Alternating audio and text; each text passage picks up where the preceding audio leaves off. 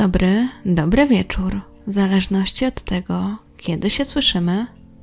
Dzisiaj przygotowałam dla Was sprawę, o której w zasadzie ostatnio zrobiło się trochę głośniej ze sprawą serialu, który się pojawił, ale przyznam, że specjalnie go nie oglądałam, aby się po prostu nim nie zasugerować. Bo dziś chciałabym opowiedzieć Wam historię jednego z gorszych seryjnych morderców w Anglii.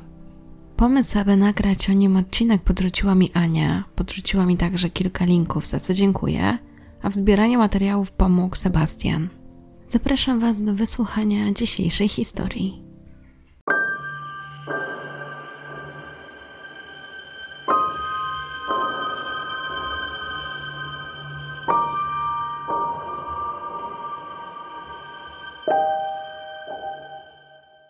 Druciane okulary, niczym nie wyróżniająca się fryzura, lekko ziemista cera, zwykła koszula i ciemne spodnie.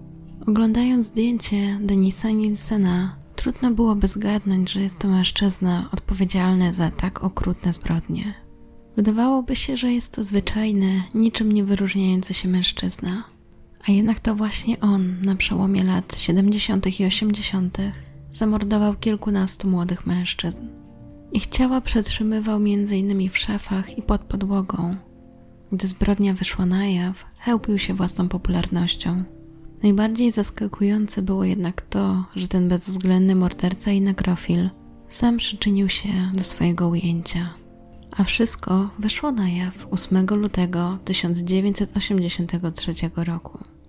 Tego dnia pracownik Dyna Road, Michael Catron, odpowiedział na skargi, które zostały zgłoszone do firmy hydraulicznej i zostały złożone zarówno przez samego Nielsena, jak i innych lokatorów w budynku przy ulicy Cranley Gardens numer 23. Mężczyzna przyjechał na miejsce i otworzył pokrywę odpływu z boku budynku. Odkrył wtedy, że odpływ jest czymś zapchane. Wydawało się, że jest to jakieś mięso i małe kości niewiadomego pochodzenia. Hydraulik zgłosił więc swoje wątpliwości przełożonemu. W międzyczasie ustalił z lokatorami, że następnego dnia przybędzie i postara się jakoś udrożnić ten odpływ. Zanim jednak opuścił to miejsce, spotkał się jeszcze z Nilsenem i innym lokatorem, aby omówić źródło dziwnego znaleziska. Gdy hydraulik zasugerował, że przypomina mu to ludzkie ciało, Nilsen odpowiedział: Wygląda na to, że ktoś spłukiwał smażonego kurczaka Kentucky. O 7.30 następnego ranka Katran wraz ze swoim przełożonym powrócili na Cranley Gardens. Planowali zabrać się do pracy, gdy nagle się okazało, że odpływ został oczyszczony. To wzbudziło podejrzenie obu mężczyzn. Postanowili jeszcze raz dokładnie obejrzeć odpływ i udało im się odkryć skrawki mięsa i cztery kości. Po obejrzeniu obaj uznali, że mają do czynienia z kośćmi pochodzącymi z ludzkiej dłoni. W tym momencie postanowili, że nie ma już na co dłużej czekać i wezwali policję. Na miejscu policja znalazła jeszcze inne małe kości i skrawki czegoś, co wyglądało jak mięso ludzkie albo zwierzęce. Teraz należało to zbadać i potwierdzić źródło ich pochodzenia. Szczątki zostały zabrane do kostnicy w Hornsey, gdzie patolog profesor David Bowen poinformował policję, że szczątki zdecydowanie należą do człowieka. Określił także, że prawdopodobnie pochodzą z ludzkiej szyi i zauważył na nich ślady charakterystyczne dla wiązania. W tym czasie policji udało się także określić, z którego mieszkania mogły pochodzić spłukiwane szczątki. Okazało się, że chodziło o mieszkanie na ostatnim piętrze. Należało ono do Denisa Nilsena. Detektyw dowodzący sprawą wraz z dwoma kolegami zdecydował, że zaczekają na mężczyznę pod budynkiem, aż ten wróci z pracy do domu. Gdy tak się stało, od razu podeszli do podejrzanego, przedstawili się, a następnie wyjaśnili, że przyszli zapytać o zator w kanalizacji, który właśnie on wywołał. W odpowiedzi Nielsen zapytał, dlaczego policja jest akurat zainteresowana tym, że to on spowodował ten zator i czy dwaj mężczyźni, którzy byli z detektywem, są może inspektorami zdrowia. Detektyw poinformował, że dwaj mężczyźni również są policjantami i poprosił o dostęp do jego mieszkania w celu omówienia dalszych szczegółów tej sprawy. Nielsen się zgodził i cała czwórka weszła do jego mieszkania, gdzie funkcjonariusze natychmiast poczuli zapach gnijącego mięsa. Nielsen jednak wydawał się niczego nie zauważać i pytał dalej, dlaczego to policja jest zainteresowana jego kanalizacją. Detektyw postanowił wyłożyć wszystkie karty na stół i powiedział, że wynika to z tego, iż w odpływie znaleziono szczątki ludzkie i wszystko wskazuje na to, że zostały spłukane w jego mieszkaniu. Na co Nielsen zaczął udawać, że jest w szoku i okazując zdumienie powiedział: Dobry Boże, jakie to straszne. Detektywa jednak to nie śmieszyło i powiedział, żeby przestał się wygłupiać i powiedział, gdzie jest reszta ciała. Nielsen spojrzał na detektywa i odpowiedział spokojnie, że resztę ciała znajdą w dwóch plastikowych torbach umieszczonych w jego szafie. Gdy policjanci zbliżyli się do szafy, zapach był tak intensywny, że zdecydowali, że należy wezwać techników. W międzyczasie zaczęli dopytywać Nielsena, czy nie znajdą jeszcze w innym miejscu jakiejś części ciała. Mężczyzna odpowiedział, że jest to długa historia i właściwie zaczęła się bardzo dawno temu, ale on opowie wszystko, bo chce coś z siebie w końcu wyrzucić, ale nie tutaj, na komisariacie. Zgodnie z jego wolą został aresztowany i pouczony o przysługujących mu prawach. Następnie policjanci zabrali go na komisariat Farnsey. Gdy już był eskortowany na komisariat, zapytano go jeszcze, czy przypadkiem szczątki znalezione w jego mieszkaniu nie należą do jednej osoby, tylko dwóch. Nielsen wyglądał wtedy przez okno radiowozu, a następnie odpowiedział: piętnastu albo szesnastu. Tego samego dnia detektyw wraz z patologiem zabezpieczali plastikowe torby, które zostały wyjęte z szafy, a następnie zabrano je do kostnicy. Ustalono, że w jednej torbie znajdowały się dwa rozcięte tułowia. Była tam też torebka z różnymi narządami wewnętrznymi. Druga torba zawierała ludzką czaszkę, na której prawie w ogóle nie było już tkanki.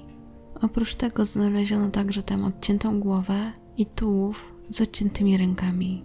Patolog wstępnie określił, że obie głowy zostały poddane działaniu jakiegoś wilgotnego ciepła, prawdopodobnie pary. 10 lutego rozpoczęło się przesłuchanie Nilsena, które niemal wprawiło w osłupienie wszystkich słuchających go detektywów. Bo jak się okazało, mężczyzna bardzo chętnie opowiedział swoją historię. A zatem prześledźmy ofiarę Nilsena według jego wspomnień. Później przedstawię Wam jego historię od początku. Jego pierwszą ofiarą był 14-letni Steven Holmes. Nielsen zabił Stevena 30 grudnia 1978 roku. Nastolatka spotkał w pubie Kirkwood Arms, gdzie niepełnoletni chłopak próbował kupić alkohol. W tym dniu Nielsen sam się nastawił na to, że będzie dużo pić. Postanowił, że za wszelką cenę musi opuścić mieszkanie i poszukać towarzystwa. Gdy trafił na Holmesa, zdecydował, że to właśnie on będzie mu dzisiaj towarzyszył. Zaprosił go do domu, proponując alkohol i słuchanie muzyki. Co ciekawe, myślał, że tamten ma około 17 lat. W domu Nilsena zarówno on, jak i jego gość dużo pili, a następnie zasnęli. Gdy Nilsen obudził się rano, zobaczył, że jego gość jeszcze dalej smacznie śpi. W późniejszym zeznaniu twierdził, że bał się go obudzić na wypadek, gdyby ten chciał go zostawić. Postanowił jednak podotykać i popieścić nastolatka. Ten cały czas śpiąc nie zdawał sobie sprawy, że właśnie w głowie Nilsena pojawiła się myśl, że chłopak zostanie z nim przez cały nowy rok, czy tego chce, czy nie. Następnie mężczyzna sięgnął po krawat, usiadł okrakiem na Holmesie i dusił go, aż ten stracił przytomność. Dla pewności postanowił utopić nastolatka w wiadrze wypełnionym wodą. Następnie umył jego ciało w wannie, po czym położył na łóżku i pieścił całe jego ciało. Dwukrotnie onanizował się nad ciałem, następnie czekał, aż wystąpi stężenie pośmiertne, aby umożliwić mu schowanie jego zwłok pod podłogą. Następnie zwłoki nastolatka pozostawały pod deskami podłogi przez prawie 8 miesięcy, zanim mężczyzna rozpalił ognisko w ogrodzie ze swoim mieszkaniem i spalił jego ciało 11 sierpnia 1979 roku. Analizując swoje postępowanie w 1983 roku, stwierdził, że zabiwszy Holmesa, spowodował u siebie sny, które spowodowały śmierć. Dodał, że miał na myśli to, iż ruszył aleją śmierci i potrzebą posiadania nowego rodzaju współlokatora. Dokładnie dwa miesiące po tym, jak spalił ciało Holmesa, zdecydował się na kolejny atak. 11 października 1979 roku usiłował zamordować studenta z Hongkongu. Andrew Ho spotkał w pubie San Marine Lane i zwabił do swojego mieszkania obietnicą seksu. Jednak już w tym mieszkaniu próbował udusić mężczyznę, ale ten zdołał uciec i powiadomić policję. Ostatecznie został przesłuchany, ale Ho wycofał oskarżenie, więc policja nie miała już za bardzo co z tym fantem zrobić. Dwa miesiące po próbie zabójstwa Ho, 3 grudnia 1979 roku, Nielsen spotkał 23-letniego kanadyjskiego studenta Kenneta O'Kendena.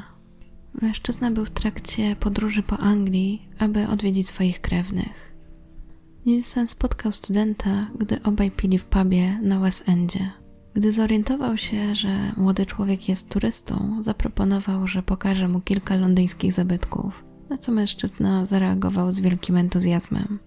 Następnie zaprosił go do swojego domu, obiecał mu posiłek i dalsze ucztowanie z udziałem alkoholu. Po drodze mężczyźni zatrzymali się jeszcze w sklepie, kupili whisky, rum i piwo. Kanadyjczyk nawet nalegał, aby podzielili się rachunkiem. Nielsen nie do końca pamiętał, co się dokładnie wydarzyło, a przynajmniej tak twierdził. Mówił, że nie jest w stanie określić dokładnego momentu, w którym udusił mężczyznę. Jedyne co kojarzył to to, że gdy go dusił za pomocą swoich słuchawek, to wtedy mężczyzna słuchał akurat muzyki. Później przypomniał sobie także, że ciągnął Keneta po podłodze i cały czas on miał na sobie te słuchawki owinięte wokół szyi. Następnie nalał sobie pół szklanki rumu, zabrał słuchawki z ciała Keneta i zaczął na nich słuchać muzyki. Następnego dnia kupił aparat typu Polaroid i sfotografował ciało Keneta w różnych sugestywnych pozycjach. Potem położył jego zwłoki obok siebie na łóżku. Razem oglądali w ten sposób telewizję przez kilka godzin. W końcu owinął jego ciało plastikowymi torbami, a następnie schował pod podłogą. Około czterech razy w ciągu następnych dwóch tygodni wyjmował jego ciało i sadzał na fotelu obok siebie, a potem razem oglądali telewizję i pili alkohol. Jeśli chodzi o Keneta, to to, co go wyróżniało spośród wszystkich ofiar Nielsena, to to, że jako jedyny był bardzo szeroko opisywany jako osoba zaginiona. Na trzecią ofiarę wybrał 16-letniego Martina Duffy'a. Jego zabójstwa dokonał 17 maja 1980 roku. Nastolatek był uczniem gastronomii z Birkenhead Aktualnie był na tak zwanym gigancie, gdyż 13 maja, bez zgody rodziców, postanowił pojechać w podróż autostopem do Londynu. Podczas swojej podróży zdarzyło mu się być jeszcze zatrzymanym przez brytyjską policję transportową za brak biletu na pociąg. Następnie przez cztery kolejne dni spał na stacji kolejowej Easton. To właśnie tam trafił na Nielsena, który akurat wracał z konferencji związkowej w Southport. Nielsen od razu zwrócił na niego uwagę, gdyż wydawał mu się wyczerpany. Założył, że na pewno jest głodny i z propozycją, że czymś go poczęstuje, postanowił wyjść właśnie do Dafiego. I trafił w dziesiątkę, bo chłopak z entuzjazmem przyjął jego propozycję. A ta była niezwykle kusząca, bo oprócz posiłku proponował mu jeszcze miejsce do spania. Wkrótce udali się do domu Nilsena i po posiłku chłopak poszedł spać. Wtedy też Nilsen sięgnął po podwiązkę, a następnie owinął ją wokół jego szyi. Jednocześnie usiadł na jego piersi i zaciskał z ogromną siłą. Trzymał ten uścisk tak długo, aż Duffy stracił przytomność. Następnie zaciągnął go do swojej kuchni i utopił w zlewie. Później zabrał jego ciało do wanny, a następnie razem z nim się wykąpał. Podczas późniejszych zeznań określił go jako najmłodszego wyglądem, jakiego kiedykolwiek widział. Po kąpieli ciało chłopaka umieścił na krześle kuchennym, a następnie w łóżku. Wielokrotnie całował, komplementował i pieścił ciało chłopaka. W międzyczasie także się onanizował. Przez dwa dni ciało Martina było przechowywane w szafie. Gdy Nielsen zauważył, że pojawiają się oznaki jego wzdęcia, zaniósł go pod deski podłogowe. Po zabójstwie Martina Nielsen zaczął zabijać coraz częściej. Do końca 1980 roku zabił kolejnych pięć osób i usiłował zamordować kolejną. Tylko jedna z tych ofiar została zidentyfikowana. Był nią 26-letni William David Sutherland, który zginął 20 sierpnia. Mężczyzna pochodził z Edynburga i od czasu do czasu pracował jako męska prostytutka. Nielsen spotkał go w pubie niedaleko Piccadilly Circus. Jednak na tym jego wspomnienia się kończyły, bo nie mógł sobie przypomnieć, jak dokładnie zamordował Sutherlanda. Pamiętał jedynie, że go udusił. I było to, gdy mężczyzna stał albo klęczał, a rano po prostu był już martwy. Jeśli chodzi o kolejne ofiary, które nie zostały zidentyfikowane, to wspomnienia Nielsena były dosyć niejasne. Jego pamięć była dosyć wybiórcza i o każdej ofierze pamiętał co innego. Jeśli chodzi o 1980 rok, to we wrześniu zamordował piątego mężczyznę. Pamiętał o nim jedynie to, że był irlandzkim robotnikiem o szorskich rękach. Nosił stary garnitur i kurtkę. Jego wiek określił na 27-30 lat. Wydawało mu się, że spotkali się w Circlewood Arms, jednak później twierdził, że wymyślił tę ofiarę. Miesiąc później, w październiku, zamordował mężczyznę, którego określił jako szczupłą męską prostytutkę. Miał około 1,78 m, między 20 a 30 lat. Pochodził z Filipin lub Meksyku.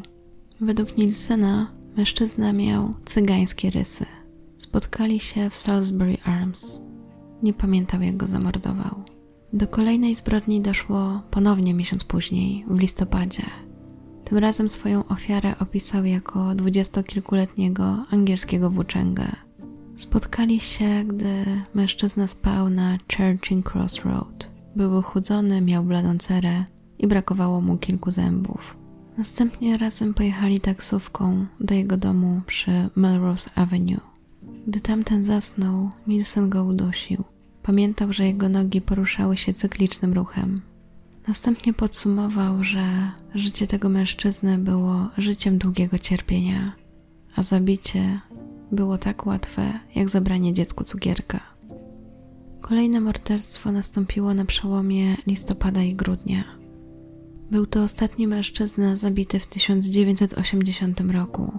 Nielsen określił go jako długowłosego hibisa w wieku od 25 do 30 lat.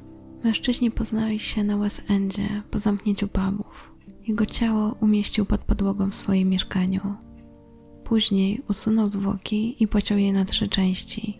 Następnie ponownie schował pod podłogą, by rok później spalić wszystkie szczątki. I w tym wypadku po pewnym czasie twierdził, że wymyślił tę ofiarę. Twierdził, że w tym czasie czasami bezskutecznie próbował reanimować swoje ofiary. Zdarzało mu się też opaść na kolana i płakać, po czym wstać i splunąć na swój wizerunek, gdy patrzył na swoje odbicie w lustrze. Twierdził także, że zdarzało mu się wybuchnąć płaczem w łóżku, gdy obok znajdowało się ciało niezidentyfikowanej ofiary.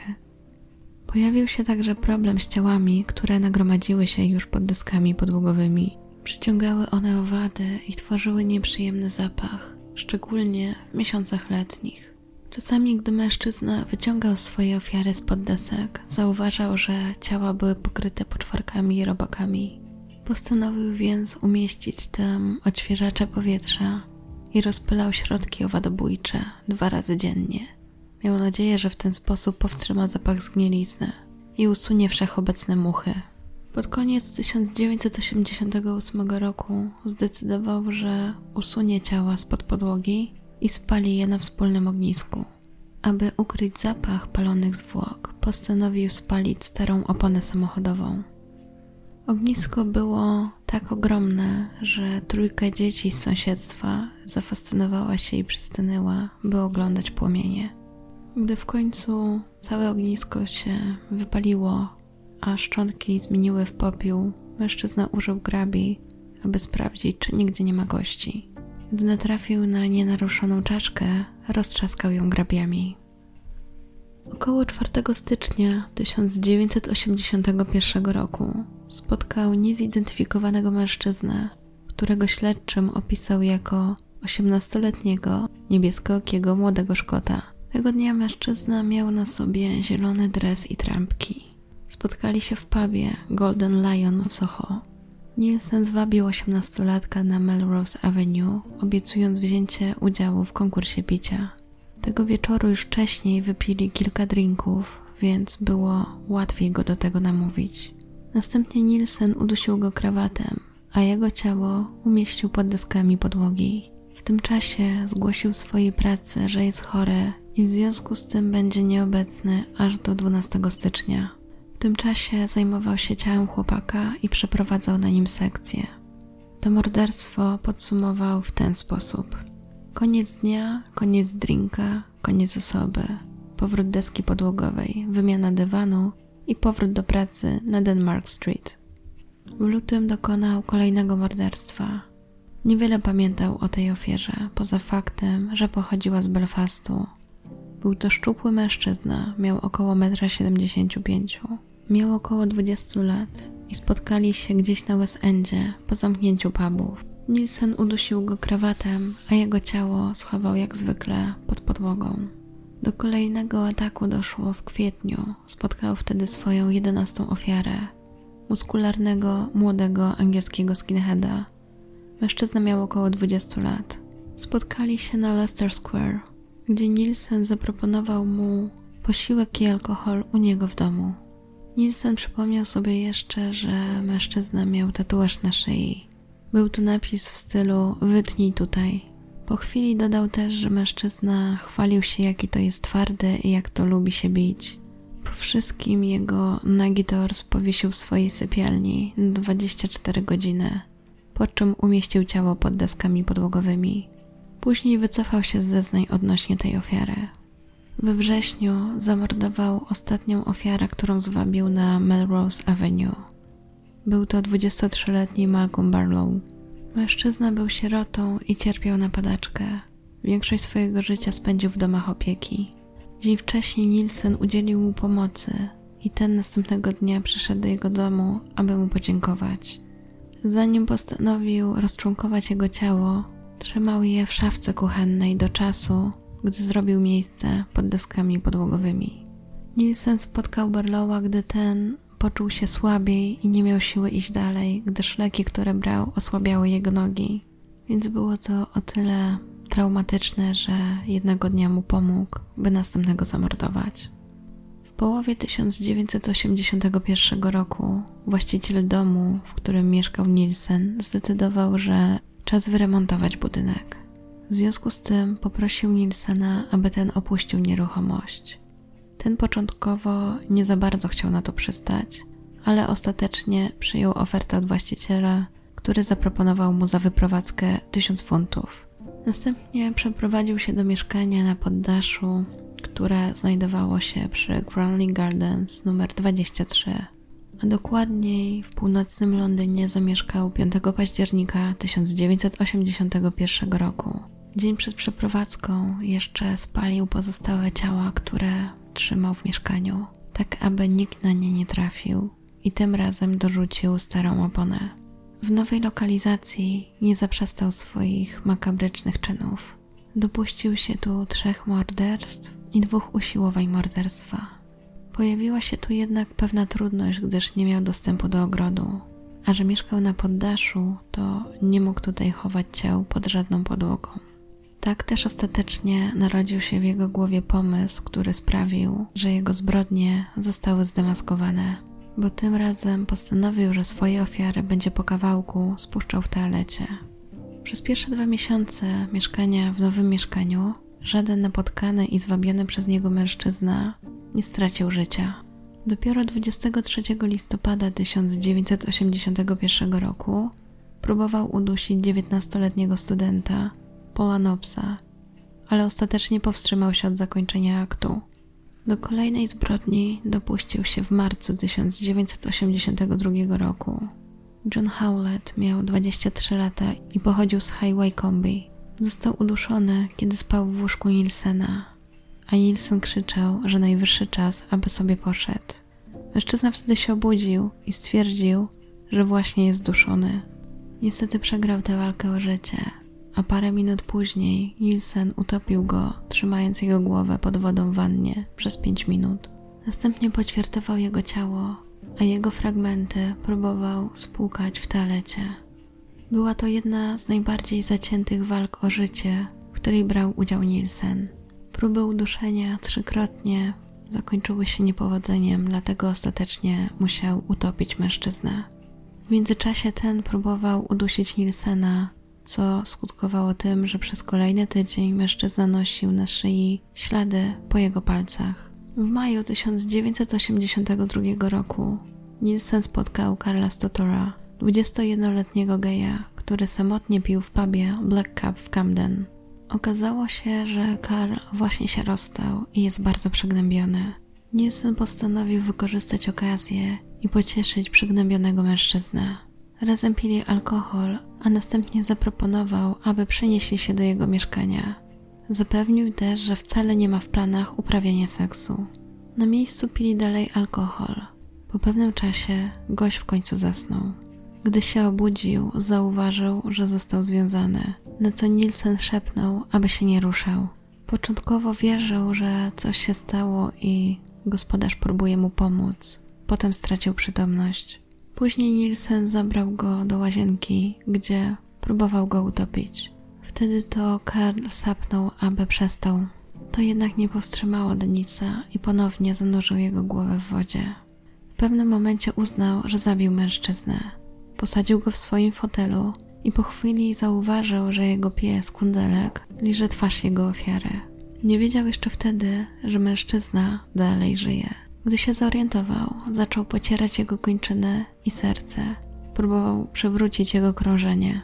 Następnie przykrył go kocami i położył na łóżku, a gdy ten odzyskał przytomność, Nilsen rzucił się na niego i mocno objął. Twierdził, że ten prawie się udusił i Nilsen go reanimował. Karl pamiętał jednak, że jego głowa była zanurzona pod wodą. Denis odpowiedział, że to dlatego, że nie mógł go ocucić. Gdy w końcu mężczyzna doszedł do siebie, Nielsen zaprowadził go na pobliską stację kolejową. Ten poinformował, że ma nadzieję, że spotkają się ponownie i z nim pożegnał. Trzy miesiące później Nielsen awansował w pracy. W czerwcu 1982 roku otrzymał stanowisko dyrektora wykonawczego. Tym samym dniu spotkał 27-letniego Grahama Allena, gdy ten próbował złapać taksówkę. Mężczyźni się zgadali i ostatecznie wylądowali w mieszkaniu Nilsena. Gdy Allen spożywał omlet, który przygotował mu gospodarz, nagle zorientował się, że ktoś go dusi. Jego ciało udało się potem zidentyfikować na podstawie dokumentacji dentystycznej i wyleczonego złamania żuchwy. To właśnie jego szczątki zablokowały odpływ przy Cranley Gardens. Zanim jednak to się stało, jego ciało było trzymane w wannie przez trzy dni. Potem Nielsen pociął jego ciało na kawałki i tym razem poinformował swojego pracodawcę, że jest chory i nie może przyjść do pracy 9 października. Prawdopodobnie wtedy kończył członkowanie ciała Allena. 26 stycznia 1983 roku zabił swoją ostatnią ofiarę 20-letniego Stevena Sinclaira. Steven pochodził z Perth.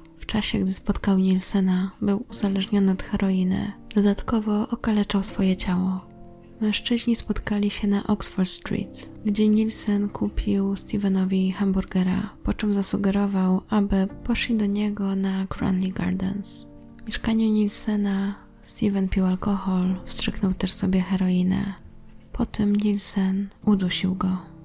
Głowę, górną część tułowia i ramiona schował w skrzynce, którą trzymał w salonie. Dolną część tułowia i nogi trzymał pod wanną. Zanim rozczłonkował jego ciało, tak jak zwykle, najpierw je wykąpał. Później położył w swoim łóżku, a następnie obsypał talkiem. Wokół łóżka powiesił trzy lustra, a następnie się położył nago i obserwował. Kilka godzin później odwrócił głowę Stevena w swoją stronę, pocałował go i powiedział: Dobranoc, Steven. Następnie zasnął obok niego.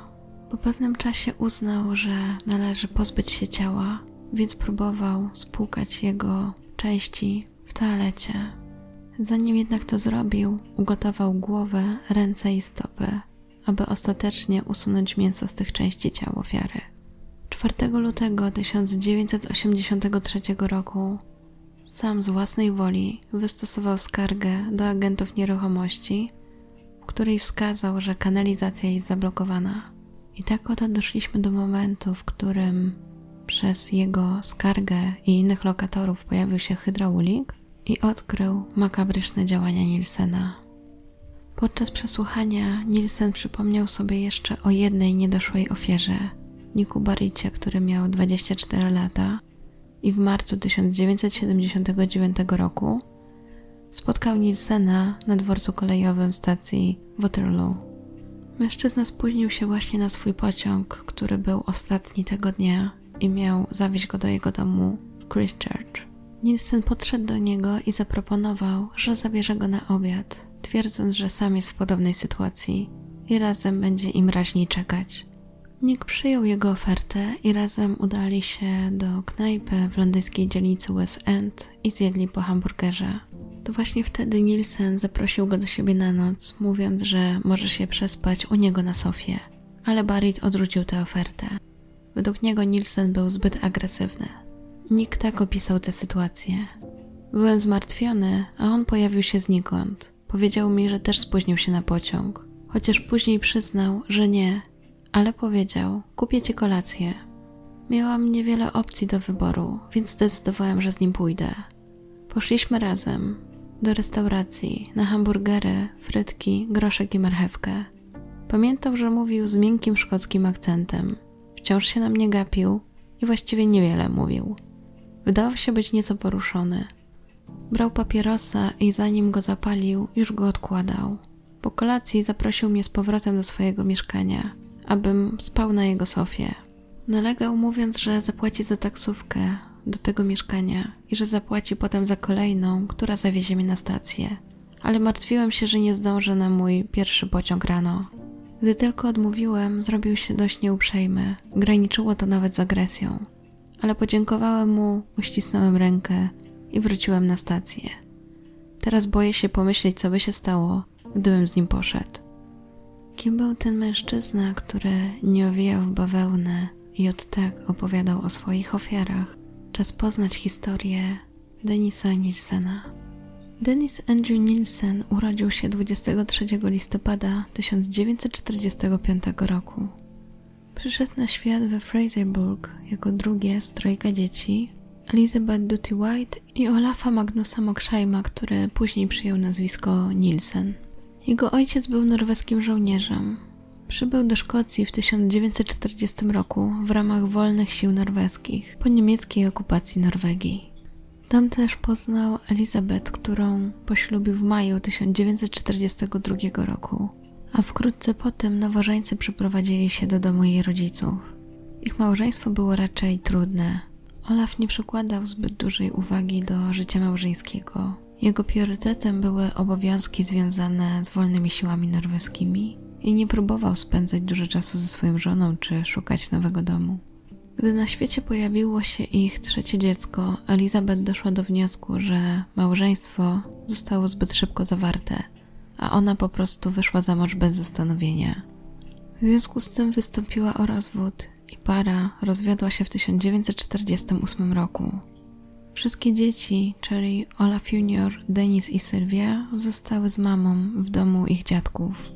Rodzice Elizabeth od początku nie akceptowali jej męża, a po rozwodzie wspierali córkę i troszczyli się o swoje wnuki. Denis od początku był dosyć cichym, ale żonnym przygód dzieckiem.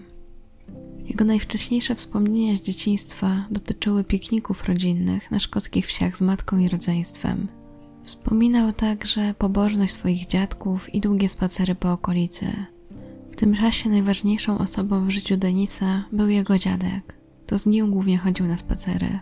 Przeważnie byli sami, bo Olaf Junior i Sylwia bardzo rzadko im towarzyszyli. W późniejszym czasie określił ten etap swojego dzieciństwa jako okres zadowolenia. a dziadka jako jego wielkiego bohatera i obrońcę. Niestety te okresy zadowolenia były przerywane pustką, dlatego że jego dziadek był rybakiem i bardzo często wybywał na morze, a życie bez dziadka było puste, dopóki nie wrócił. W 1951 roku stan zdrowia dziadka był coraz gorszy. Mimo tego cały czas kontynuował swoją pracę. Aż w końcu 31 października tego samego roku, podczas połowów na morzu, zmarł na atak serca w wieku 62 lat. Jego współtowarzysze zadbali jednak o jego ciało i przywieźli później do domu, aby rodzina mogła go pochować. W tym czasie Denis pamiętał, że mama jego płakała i zapytała go, czy chciałby zobaczyć swojego dziadka. Na co mały Denis odpowiedział, że tak i został zabrany do pokoju, w którym dziadek leżał. Ciało leżało w otwartej trumnie i gdy patrzył na dziadka, mama powiedziała mu, że jego dziadek po prostu śpi. Dodała też, że poszedł w lepsze miejsce. Okres po śmierci dziadka był dla Nilsena bardzo trudny. Stał się bardziej cichy, wycofany. Często stał samotnie w porcie i obserwował łodzie, które przewoziły śledzie. Bardzo tęsknił za swoim dziadkiem. To też sprawiło, że również w domu wycofał się z życia rodzinnego. Nie pozwalał innym członkom rodziny, aby okazywać mu jakiekolwiek uczucia. Mimo tego w pewnym momencie zaczął uważać, że jego rodzeństwo jest lepiej traktowane niż on, że mama i babcia poświęcają im więcej uwagi i uważał to za niesprawiedliwe. Swojemu bratu zazdrościł popularności. Ten był dużo bardziej wygadany i miał dużo więcej znajomych. Z młodszą siostrą miał lepszy kontakt. Często z nią rozmawiał lub grał w grę. Był z nią najbliżej ze swojej rodziny. W wolnym czasie często odbywał samotne wycieczki, i jedną z nich w 1954 albo 5 roku chciał zakończyć na plaży w Ivaralloci. Zanurzył się wtedy pod wodą i prawie został wciągnięty do morza. Początkowo spanikował, wymachiwał rękami, krzyczał. Później przyszło uczucie, gdy z trudem łapał powietrze, którego nie było, i przypomniał sobie, że wydawało mu się, że jego dziadek zaraz przybędzie i go wyciągnie, i wtedy poczuł spokój. Okazało się, że dostrzegł go nastolatek, który uratował mu życie i wyciągnął na brzeg. Wkrótce po tym incydencie jego matka zdecydowała, że pora wyprowadzić się od dziadków i czas zamieszkać razem, w czwórkę, we własnym mieszkaniu. Poznała też mężczyznę, Andrew Scotta, za którego później wyszła za mąż. Mężczyzna był z zawodu budowniczym. Doczekali się łącznie czwórki dzieci. Początkowo relacja Denisa z Andrew nie była zbyt dobra. Chłopiec odczuwał wyraźną niechęć do niego, uważał, że ten niesprawiedliwie go dyscyplinuje.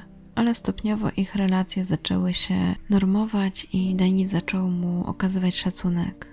W 1955 roku rodzina przeniosła się do Strichen. Gdy Denis zaczął dojrzewać, odkrył, że jest gejem. Bardzo go to zdezorientowało i zawstydziło. Ukrywał swoją seksualność przed rodziną i przyjaciółmi. Zastanawiające było to, że wiele chłopców, których go pociągało, miało rysy twarzy podobne do twarzy jego młodszej siostry Sylwii.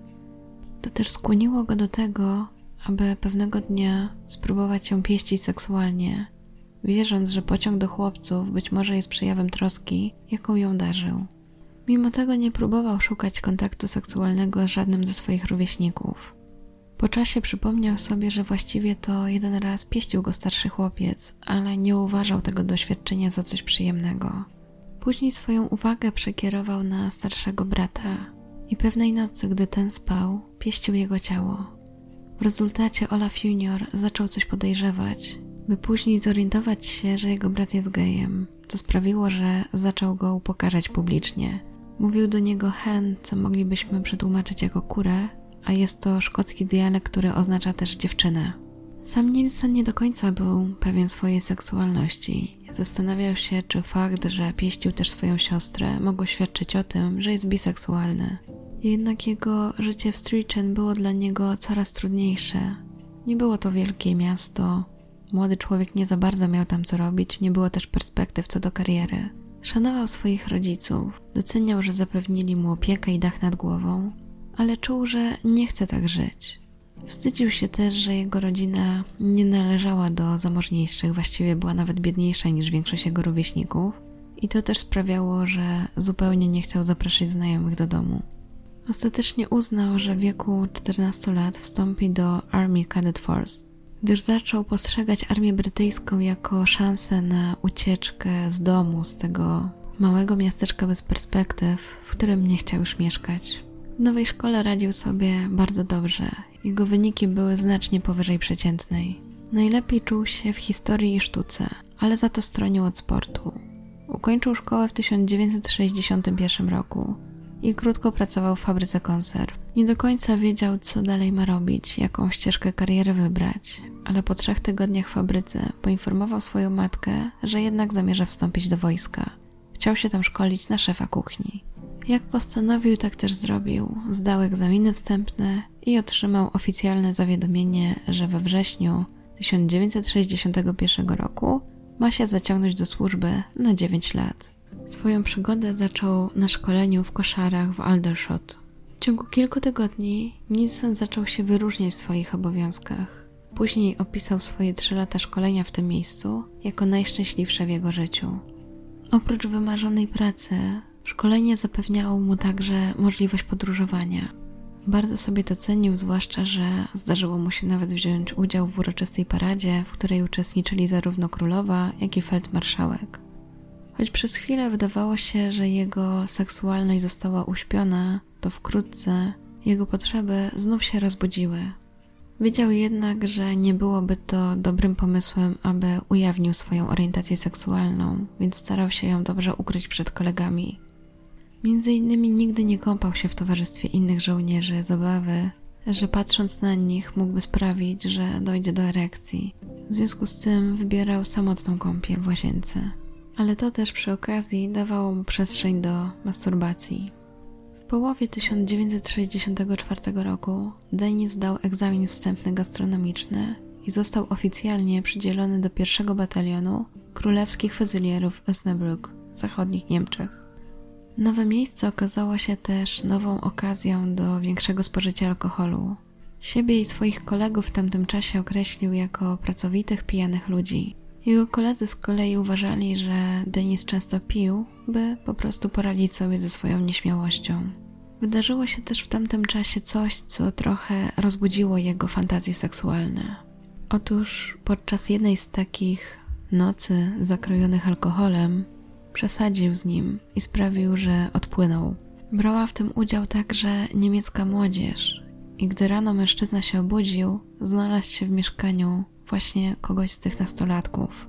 Do niczego nie doszło, żaden akt seksualny się nie wydarzył, ale w głowie Denisa pojawiły się różne fantazje. Między innymi o tym, że uprawia seks z partnerem, który jest nieprzytomny lub martwy. Zaczął czuć podniecenie na myśl o tym, że jego partner byłby bierny, a on by robił z nim co by chciał. Gdy jego fantazje robiły się coraz mocniejsze, zaczął podejmować niepewne wysiłki, aby jeden z jego współpracowników dokonał seksualnej penetracji w jego własnym ciele. Jego plan zakładał, że tak dużo wypije i po prostu będzie liczył na to, że gdy straci przytomność, jeden z jego kolegów wykorzysta go seksualnie.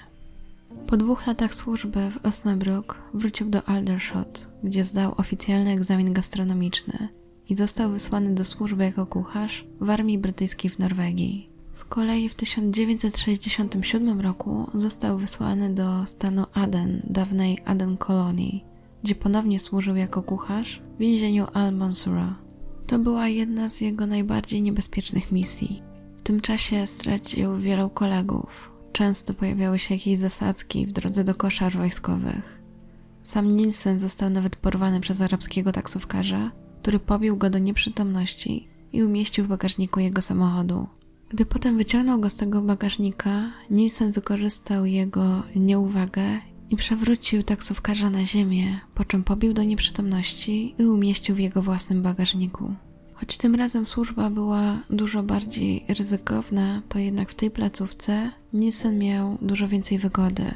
Otrzymał własny pokój, a to sprawiło, że miał dużo więcej prywatności i mógł się jeszcze więcej masturbować.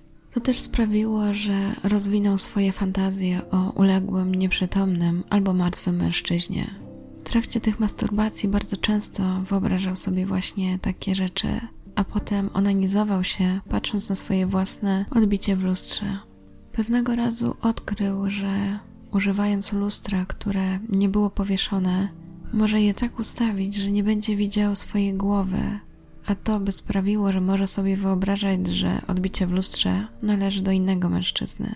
Od tej pory właśnie tak postępował podczas masturbacji. Stworzył sobie taką idealną sytuację, w której jakby wizualnie rozszczepiał swoją osobowość. Na zmianę wyobrażał sobie raz siebie jako osobę dominującą, a raz jako pasywną. Jego fantazje cały czas ewoluowały. Pojawiały się w nich nawet doświadczenia z jego życia, jak to z arabskim taksówkarzem. Wspominał także martwe ciała, które widział podczas swojej służby. Upatrzył też sobie obraz XIX-wiecznego artysty zatytułowany Tratwa Meduzy, która przedstawia starego mężczyznę trzymającego bezwładne nagie ciało martwego młodzieńca, a następnie siada z boku rozczłonkowanego ciała innego młodego mężczyzny. Później wyobrażał sobie smukłego, atrakcyjnego młodego żołnierza o blond włosach, który niedawno stracił swoje życie, a obok niego starszego mężczyznę, który go dominuje, jest brudny, siwowłosy i myje jego ciało przed stosunkiem z jego zwłokami. Niedługo nadszedł czas zakończenia misji Nielsena w Edynie. Jego przełożeni postanowili, że wróci do Wielkiej Brytanii i zostanie przydzielony do koszarów Seaton w Plymouth. Jego służba miała polegać teraz na tym, że codziennie miał gotować dla 30 żołnierzy i dwóch oficerów. Warunki nie były zbyt dobre, mieszkali w barakach, ale po roku Nielsen został przeniesiony na Cypr, a dokładniej w 1969 roku, by kilka miesięcy później ponownie zostać przeniesionym, tym razem do Berlina. Dla Nielsena był to przełomowy rok. Po raz pierwszy zdecydował się na współżycie z kobietą.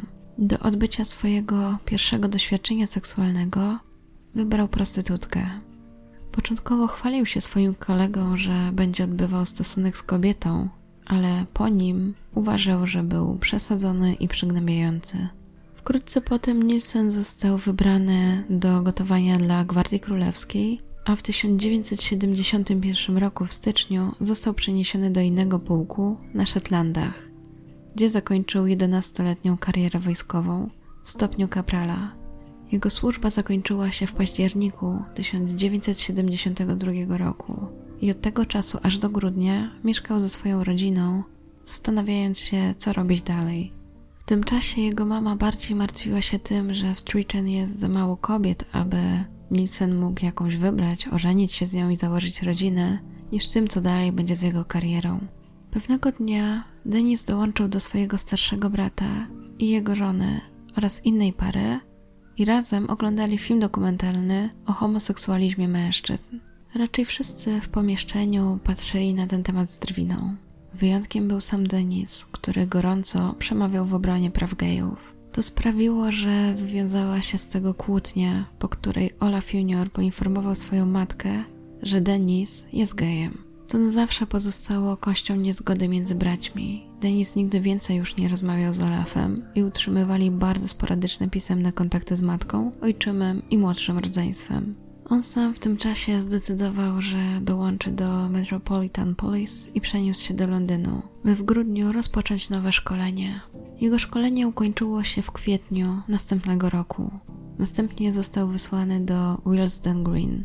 Tam też pracował jako młodszy policjant i dokonał nawet kilku aresztowań, ale nigdy nie musiał używać siły, aby zatrzymać jakiegoś człowieka. Denis lubił swoją nową pracę, ale nie dawała mu tego, co dawała mu praca w armii. Brakowało mu jego znajomych z tamtych czasów. To sprawiło, że czuł się bardzo samotny i coraz częściej zaczął sięgać po alkohol. W końcu, latem i jesienią 1973 roku, zdecydował, że będzie odwiedzać puby gejowskie. Poznał nawet wtedy kilku mężczyzn, ale nie były to poważne relacje. Te spotkania określił jako związki niszczące dusze, których pożyczałby swojemu partnerowi jedynie ciało, w próżnym poszukiwaniu wewnętrznego spokoju, gdy sam cały czas poszukiwał trwałego związku. W sierpniu zakończył kolejny nieudany związek i doszedł do wniosku, że jego styl życia osobistego bardzo się kłóci z życiem zawodowym. Tym czasie zmarł też jego biologiczny ojciec i cała trójka z jego dzieci dostała po tysiąc funtów. To też sprawiło, że Nielsen postanowił, że czas zrezygnować z pracy w policji. Następnie podjął pracę jako ochroniarz i pracował w tym zawodzie do maja 1974 roku. Jednak nie była to pewna praca. Bardzo często zdarzały się w niej przerwy, więc zdecydował, że czas znaleźć bardziej stabilne zatrudnienie i uznał, że rozpocznie pracę jako urzędnik. Początkowo rozpoczął pracę w Urzędzie Pracy na Denmark Street i jego głównym zadaniem było po prostu znajdowanie pracy dla niewykwalifikowanych pracowników. Przez współpracowników był postrzegany jako cichy, sumienny, ale działał też w ruchu związkowym. Często zgłaszał się też do pracy po godzinach. Jego zasługi w końcu zostały docenione i w 1979 roku otrzymał awans na dyrektora wykonawczego. Spróbował się tak dobrze, że w czerwcu 1982 roku dołożono mu jeszcze obowiązki nadzorcze, a następnie przeniesiono do innego urzędu pracy, tym razem w Kentish Town. Tam też pracował aż do dnia zatrzymania. Jeśli chodzi o Melrose Avenue, w której dokonał większości morderstw, to wszystko zaczęło się w listopadzie 1975 roku. Poznał wtedy 20-letniego mężczyznę, Davida Galishana, któremu grozili przed pubem dwaj inni mężczyźni, a Nielsen postanowił się za niego wstawić. Następnie zabrał nowego znajomego do swojego mieszkania w londyńskiej dzielnicy Cricklewood. Ten wieczór spędzili na piciu alkoholu i rozmawianiu. Nielsen dowiedział się, że David niedawno przeprowadził się do Londynu, jest gejem, nie ma pracy i mieszka w hostelu. Następnego ranka uzgodnili, że zamieszkają razem, ale w jakiejś większej rezydencji, bo w jego mieszkaniu był do dyspozycji tylko jeden pokój. Do tego celu Nielsen wykorzystał swoje pieniądze, które otrzymał ze spadku po ojcu. W ten sposób kilka dni później para obejrzała wolne mieszkanie na parterze przy Melrose Avenue. Bardzo im się spodobała ta lokalizacja, jak i samo mieszkanie, więc postanowili, że wprowadzą się do tego budynku. Dodatkowo Nielsenowi udało się także wynegocjować z właścicielem umowę, na mocy której tylko oni będą mieli możliwość wyłącznego korzystania z ogrodu na tyłach posiadłości. W kolejnych miesiącach wyremontowali to mieszkanie i umeblowali według swojego uznania. Tą częścią zajmował się głównie David, ponieważ Nielsen uważał, że on jest tym, który musi zarobić na dom. Choć Denis twierdził, że David bardzo go pociągał, to jednak rzadko uprawiali seks. Głównie w tym czasie budowali po prostu dom, ale wkrótce zaczęły się pojawiać pierwsze oznaki napięcia między mężczyznami. Zaczęło się od tego, że spali w oddzielnych łóżkach, a skończyło na tym, że każdy z nich przyprowadzał przypadkowych partnerów seksualnych. Później David twierdził, że Nielsen nigdy nie był wobec niego agresywny, ale jedynie co to regularnie go krytykował aż w końcu na początku 1976 roku para zaczęła się kłócić tak często, że Nielsen w końcu stwierdził, że w maju 1977 roku David ma opuścić mieszkanie. Choć później David twierdził, że to on zdecydował się zakończyć związek. Po nieudanym związku Nielsen nawiązywał głównie krótkie relacje. Interesowali go głównie młodzi mężczyźni, ale żaden z tych związków nie trwał dłużej niż kilka tygodni. Żaden z tych mężczyzn nie chciał też zamieszkać z Nielsenem, a wydawało się, że właśnie tego brakowało mu najbardziej. Do końca 1978 roku Nielsen cały czas pozostawał sam. Doświadczył co najmniej trzech nieudanych związków. Zaczęło w nim kiełkować przekonanie, że nie nadaje się do życia. Skupiał się więc coraz bardziej na swojej pracy, a większość wieczorów spędzał słuchając muzyki i pijąc alkohol. To też ostatecznie go skłoniło do tego, co wydarzyło się w kolejnych latach, bo wiadomo, że w latach 1978-83 zabił co najmniej 12 mężczyzn oraz usiłował zabić siedmiu innych. Co prawda sam w 1983 roku przyznał się do zabicia 15 osób, ale nie zostało to udowodnione. Na swoje ofiary wybierał przeważnie osoby bezdomne albo gejów. Zdarzały się też osoby heteroseksualne, które przeważnie spotykał w barach, w transporcie publicznym lub w jednym przypadku pod własnym domem. Wszystkie morderstwa popełnił w dwóch lokalizacjach w północnym Londynie, w których mieszkał w tych latach. Jego ofiary były tam zwykle zwabiane podstępem, zazwyczaj proponował im spożywanie alkoholu, posiłek lub danie schronienia. I początkowo wywiązywał się ze swojej oferty, bo podawał pożywienie i alkohol, ale chwilę później przechodził do duszenia. Od razu powodował ich śmierć lub jedynie utratę przytomności. Jeżeli była utrata przytomności, to wtedy dokonywał jeszcze podtapiania. Następnie miał swój rytuał, który polegał na tym, że kąpał, ubierał i trzymał ciała w swoich domach przez kilka tygodni, a czasami nawet kilka miesięcy. Potem je ćwiertował i najczęściej spalał na ognisku. Niektórym ofiarom usuwał także organy wewnętrzne. Przy swoich ofiarach dokonywał także aktów masturbacji oraz przyznał się do sześciu aktów seksualnych z ciałami swoich ofiar. Twierdził jednak, że nigdy nie dopuścił się pełnej penetracji. Podczas przesłuchania sam z własnej woli opowiedział te wszystkie szczegóły. W międzyczasie hydraulik, który dokonał makabrycznego odkrycia, poinformował gazetę o tym, co się wydarzyło. To też sprawiło, że 11 lutego już całe miasto huczało o tym, co wydarzyło się w domu Nilsena. Mieli też nawet jego zdjęcie. Zgodnie z prawem angielskim policja miała 48 godzin na postawienie zarzutów lub uwolnienie go. Patolog zajmujący się szczątkami na podstawie odcisków palców był pewien, że na pewno mają do czynienia z ciałem Sinclaira. W związku z tym 11 lutego o godzinie 17.40 Nielsen został oskarżony o zabójstwo Sinclaira. Oświadczenie to ukazało się również w prasie. Następnie przystąpiono do formalnego przesłuchania Nielsena. Był on już wtedy reprezentowany przez adwokata. W ciągu następnych dni był przesłuchiwany 16 razy, łącznie przez ponad 30 godzin. W jednej kwestii pozostawał jednak nieugięty. Nie potrafił powiedzieć, dlaczego zabijał. Cały czas powtarzał, że ma nadzieję, że to właśnie detektyw mu to powie. Twierdził, że za każdym razem decyzja o tym, że zabije, była podejmowana spontanicznie. O zwłoki, z którymi spędzał dni, bardzo dbał. Malował je, ubierał, pielęgnował, aby przypominały jego ideał. Jeśli się masturbował, to stał obok ciała albo klęczał nad nim. Zapytany, dlaczego nie dopuścił się penetracji, wyjaśnił, że ofiary były zbyt doskonałe i piękne na tak żałosny rytuał zwykłego seksu. Podczas swoich działań zniszczył wszystkie rzeczy osobiste ofiar. To też sprawiało, że tuszował ich tożsamość. Gdy wypowiadał się o jednej ze swoich ofiar, kanadyjskim studencie Kenecie, twierdził, że ciało i skóra były tak piękne, że prawie doprowadzały go do łez.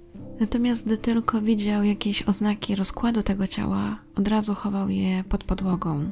Nie przeszkadzało mu to jednak w tym, by po pewnym czasie ponownie wyciągnąć to ciało i się masturbować. Policję interesowała jednak jeszcze jedna sprawa. Pytali, dlaczego głowy, które znaleźli w Cranley Gardens, zostały poddane działaniu wilgotnego ciepła.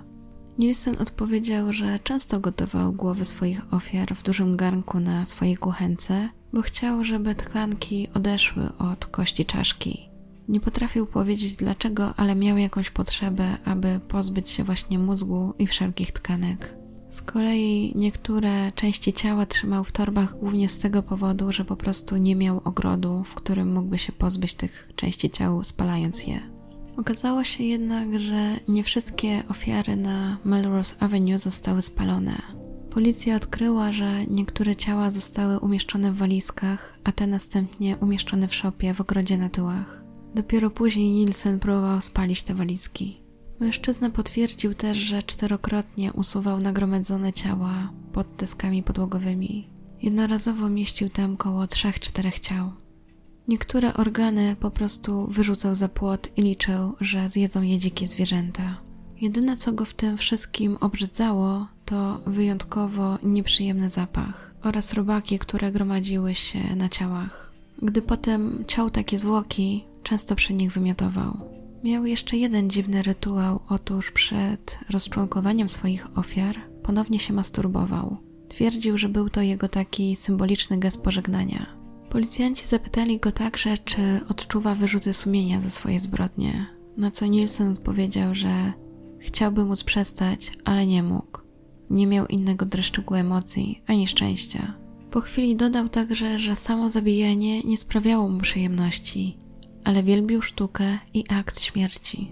11 lutego 1983 roku został oficjalnie oskarżony o zabójstwo Stevena Sinclaira. Do czasu rozprawy został umieszczony w areszcie w więzieniu Brixton. Sam Nielsen określał później swój pobyt w więzieniu jako okres rezygnacji i ulgi z przekonaniem, że zgodnie z prawem zostanie uznany za niewinnego do czasu udowodnienia mu winy. Nie zgadzał się także z obowiązkiem noszenia stroju więziennego podczas pobytu w areszcie. Uważał, że ta konieczność jest niezgodna z regulaminem więziennym i zagroził, że będzie protestował. Protest miał polegać na tym, że odmawiałby noszenia jakichkolwiek ubrań.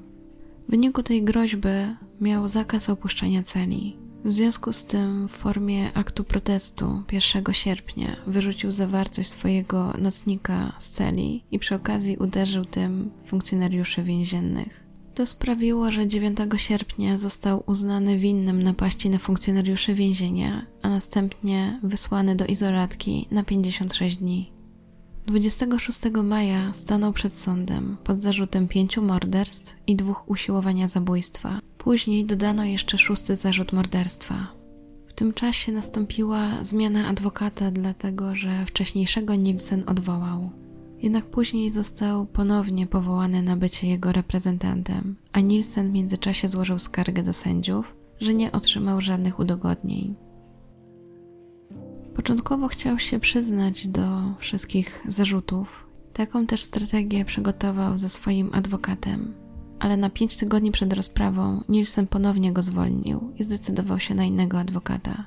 Ten z kolei doradził mu, aby się nie przyznawał, powołując się na ograniczoną poczytalność.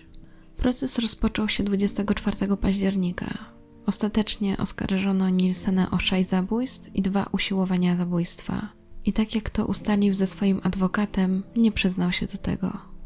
Głównym sporem między prokuratorem a obrońcą nie było to, czy Nielsen zabił swoje ofiary, ale jego stan umysłu przed zabójstwami i w trakcie.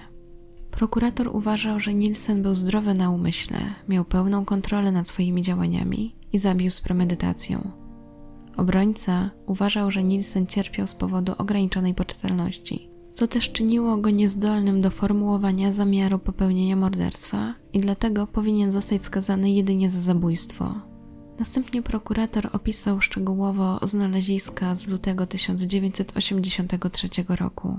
Do tego zacytował Nielsena, który odpowiedział na pytanie, czy musiał zabić. Powiedział, że dokładnie w momencie czynu uważał, że miał prawo do tego, co robił. Prokurator więc stwierdził, że nawet jeśli istniały zaburzenia psychiczne, to nie wystarczyłoby to, aby zmniejszyć jego odpowiedzialność za te zabójstwa. Powołano także świadka. Pierwszym z nich był Douglas Stewart, który zeznał, że w listopadzie 1980 roku zasnął na krześle w mieszkaniu Nielsena, po czym obudził się i zobaczył, że jego kostki są przywiązane do krzesła, a Nielsen dusi go krawatem, a do tego naciska kolanem na jego klatkę piersiową. Stewartowi udało się jednak obezwładnić Nielsena, a ten krzyknął za nim: Weź moje pieniądze. To według oskarżenia też potwierdzało, że Nielsen był racjonalną, chłodną osobą i zachował trzeźwość umysłu. Następnie Stewart zgłosił ten atak na policji, ta z kolei przesłuchała Nielsena. Były jednak sprzeczne szczegóły w zeznaniach obu mężczyzn i policja uznała, że była to zwykła kłótnia kochanków. Następnie obrońca Nielsena próbował podważyć wiarygodność Stewarta, wskazując na jego niespójności w zeznaniach i fakt, że spożywał w tamtym dniu dużo alkoholu. 25 października sąd przesłuchał dwóch świadków. Pierwszy z nich, Paul Knobs, złożył zeznania, które zdaniem prokuratury były dowodem samokontroli Nielsena i zdolności powstrzymywania się od morderczych impulsów. Mężczyźni udali się do Cronley Gardens, aby dalej konsumować alkohol i uprawiać seks. Gdy Nobs obudził się rano, poszedł do łazienki z okropnym bólem głowy. Gdy mył akurat swoją twarz, wtedy zauważył, że jego oczy były przekrwione, a twarz całkowicie czerwona. Zauważył to też Nielsen, który wykrzyknął: Boże, wyglądasz okropnie. A następnie poradził, by ten wybrał się do lekarza. Nobs nie zgłosił tego ataku na policję, bo bał się, że zostanie wyjawiona jego seksualność. Z kolei obrońca na tej podstawie przekonywał, że Nielsen właśnie nie był w stanie kontrolować swoich impulsów. Po Nobsie zaczął zeznawać Karl Stutor, który opowiedział, jak to w maju w 1982 roku Nielsen próbował go udusić i utopić, zanim potem przewrócił go do życia. Ostatecznie jednak dowody dostarczone przez tego świadka nie zostały włączone jako część akt oskarżenia, ponieważ jego miejsce pobytu było znane dopiero po tym, jak zakończono tworzyć ten akt. Następnie wezwano detektywa, który opowiedział o dniu zatrzymania Nielsena i o tym, jak wyglądały te pierwsze zeznania. Detektyw przyznał, że było to dla niego bardzo niezwykłe, że ktoś oskarżony o tak przerażające zbrodnie jest jednocześnie tak otwarty w udzielaniu informacji i do tego nie prosi o obecność adwokata. Do tego mężczyzna sam dostarczył większość dowodów przeciwko sobie. Udzielił śledczym także wielu cennych wskazówek. Następnie zostało przeczytane zeznanie Nielsena zapisane w tamtym dniu.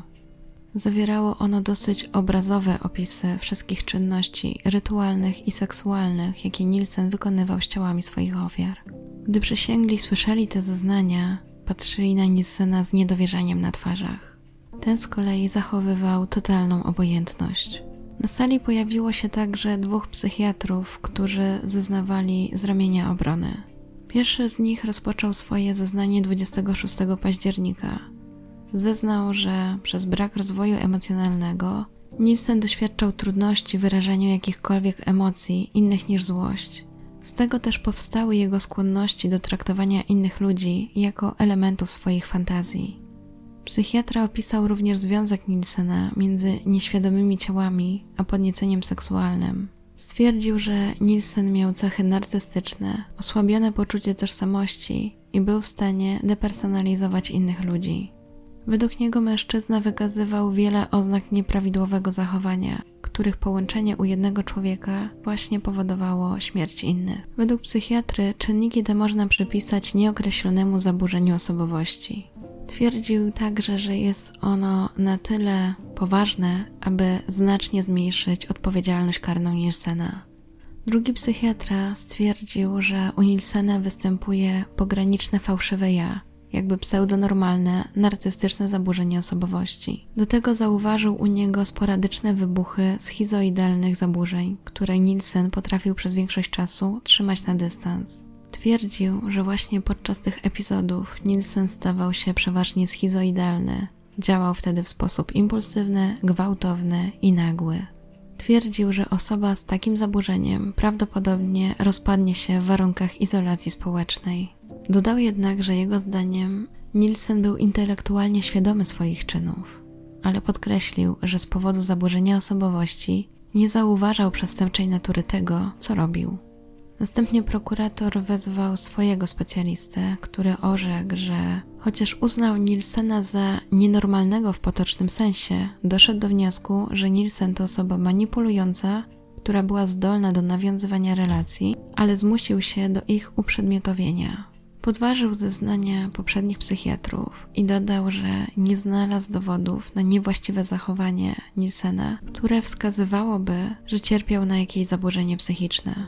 Następnie nastąpiły mowy końcowe, a potem ława przysięgłych zebrała się, aby rozważyć swój werdykt 3 listopada 1983 roku. Następnego dnia przysięgli powrócili z jednogłośnym werdyktem i uznali, że Nielsen jest winny sześciu zarzutów morderstwa i jednego usiłowania zabójstwa. W związku z tym sąd skazał Nielsena na dożywocie z zaleceniem odbycia kary przez co najmniej 25 lat pozbawienia wolności. Po skazaniu Nielsen został przeniesiony do więzienia Wormwood Scrubs, aby rozpocząć odsiadywanie swojego wyroku.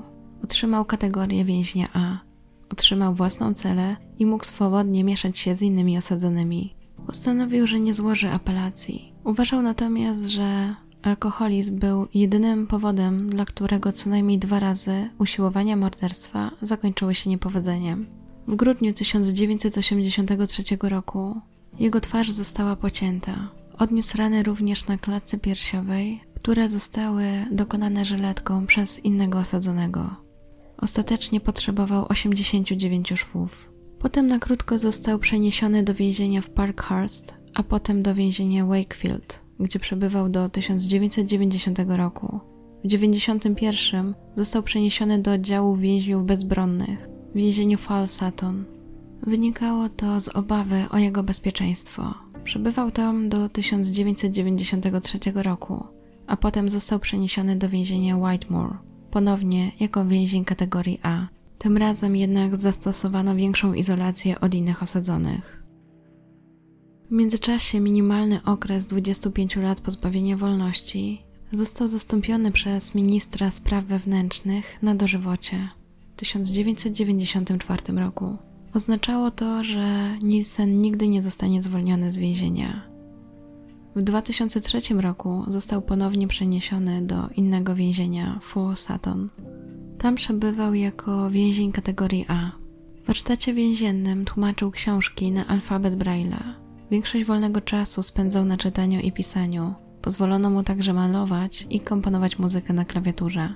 Wymieniał także listy z wieloma osobami, które szukały z nim kontaktu. Pozostawał Sutton aż do dnia śmierci 12 maja 2018 roku.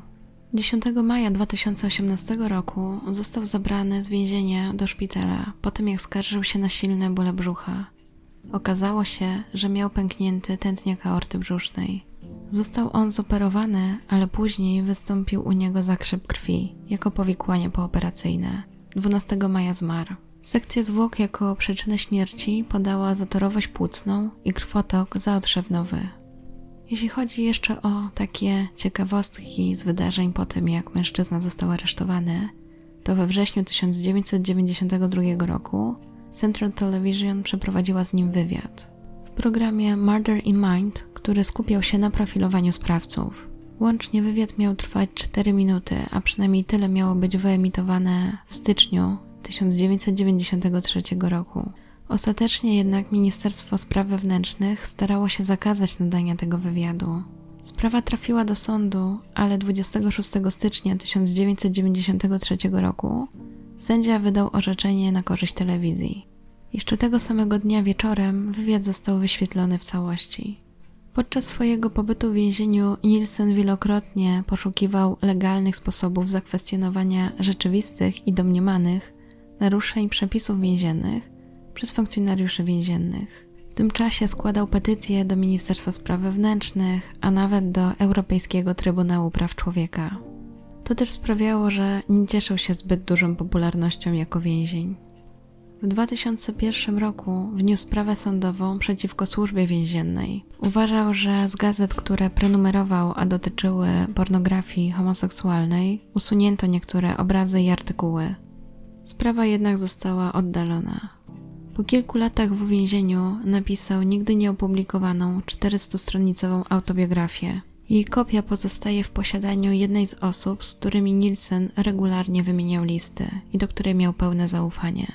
Dopiero w 2006 roku oficjalnie udało się zidentyfikować pierwszą ofiarę Nielsena jako 14-letniego Stevena Dina Holmesa. Prokuratura jednak odstąpiła od ponownego aktu oskarżenia, bo stwierdziła, że i tak nie będzie ono już w interesie publicznym, bo nie da się wydłużyć jego kary. Pozostałych ofiar nie udało się zidentyfikować. Natomiast część dowodów, które były przedstawione w trakcie procesu, trafiły potem do Muzeum Zbrodni New Scotland Yardu. Wśród nich noże, których Nielsen używał do cięcia ofiar, słuchawki, którymi udusił jednego z mężczyzn, podwiązki, które stosował do podduszania, czy kuchenka, na której gotował głowy ofiar. I to już wszystkie informacje, jakie znalazłam na temat tej sprawy.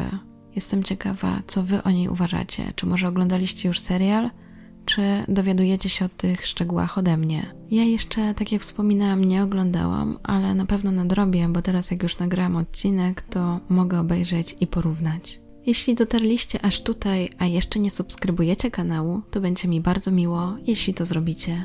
Czekam także na Wasze komentarze, Wasze zdanie na temat tej sprawy i tego, czy Waszym zdaniem Nielsen był poczytalny, czy jednak niepoczytalny. Dziękuję za wysłuchanie, życzę miłego dnia, dobranoc, do usłyszenia.